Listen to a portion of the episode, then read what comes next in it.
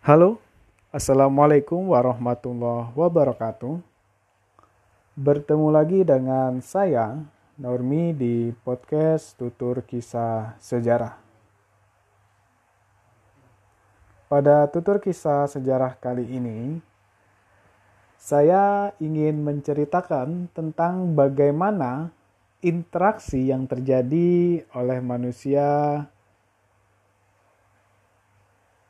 di masa praaksara, terutama wilayah Indonesia. Beberapa pengaruh dari penemuan-penemuan artefak di Indonesia memiliki keterkaitan dengan beberapa penemuan artefak di wilayah lain.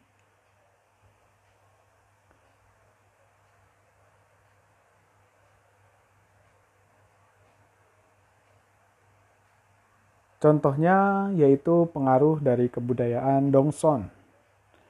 Kebudayaan Dongson yang terletak di wilayah Lembah Songhong, Sungai Ma, Teluk Tonkin, negara Vietnam ini telah berkembang sekitar tahun 1500 sampai 500 sebelum Masehi.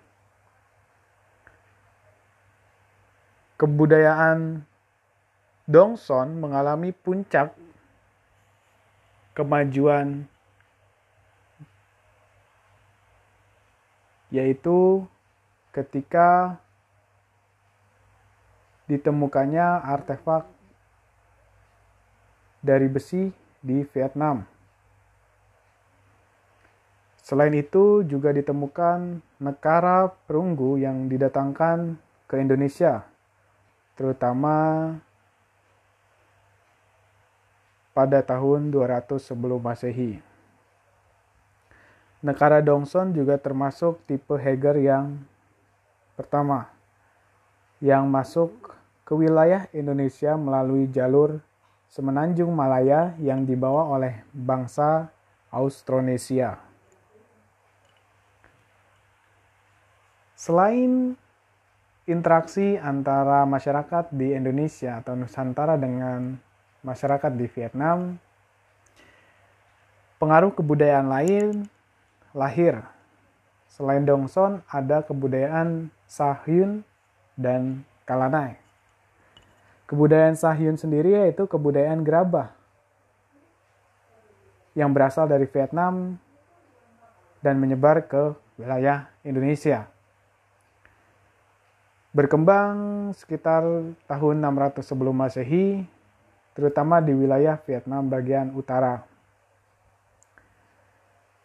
Ciri-ciri dari kebudayaan Sahyun sendiri terlihat dari pola gerabah, yakni pola gerabah yang geometri dan pengolesan dengan warna merah dan juga putih di sisi-sisi dari gerabah yang ditemukan di masa kebudayaan Sahyun berkembang di Nusantara.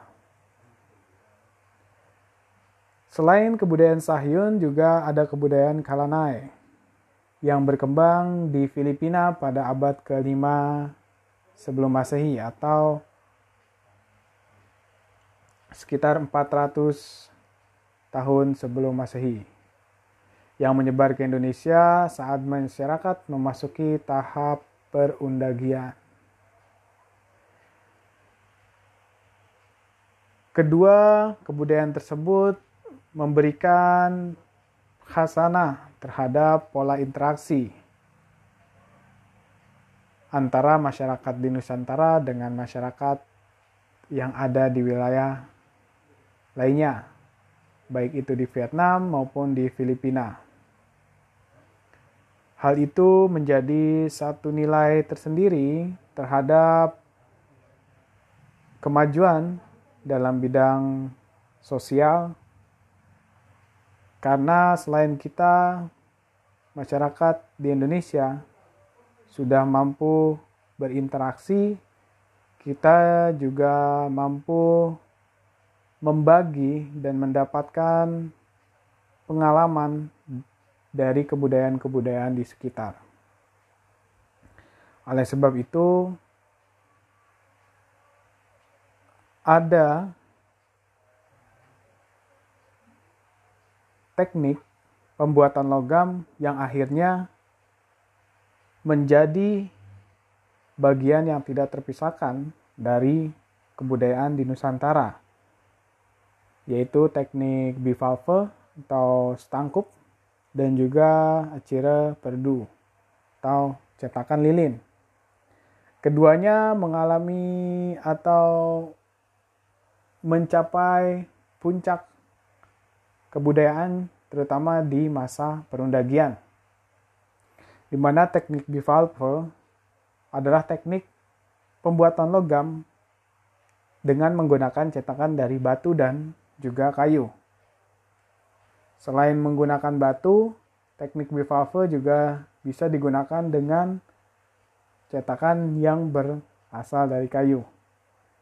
Selain ada teknik bivalve, kita mengenal adanya teknik pembuatan logam ciri perdu, yaitu teknik pembuatan logam yang menggunakan lilin dan tanah liat. Oleh sebab itu, kebudayaan yang kita miliki pada masa lalu merupakan sebuah kekayaan masa kini yang perlu kita jaga, kita lestarikan, dan kita tingkatkan dengan ilmu pengetahuan dan teknologi masa kini.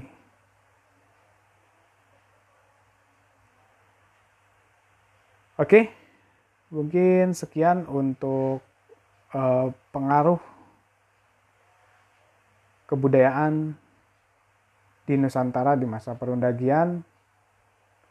Sampai bertemu lagi di podcast tutur kisah sejarah berikutnya. Assalamualaikum warahmatullahi wabarakatuh.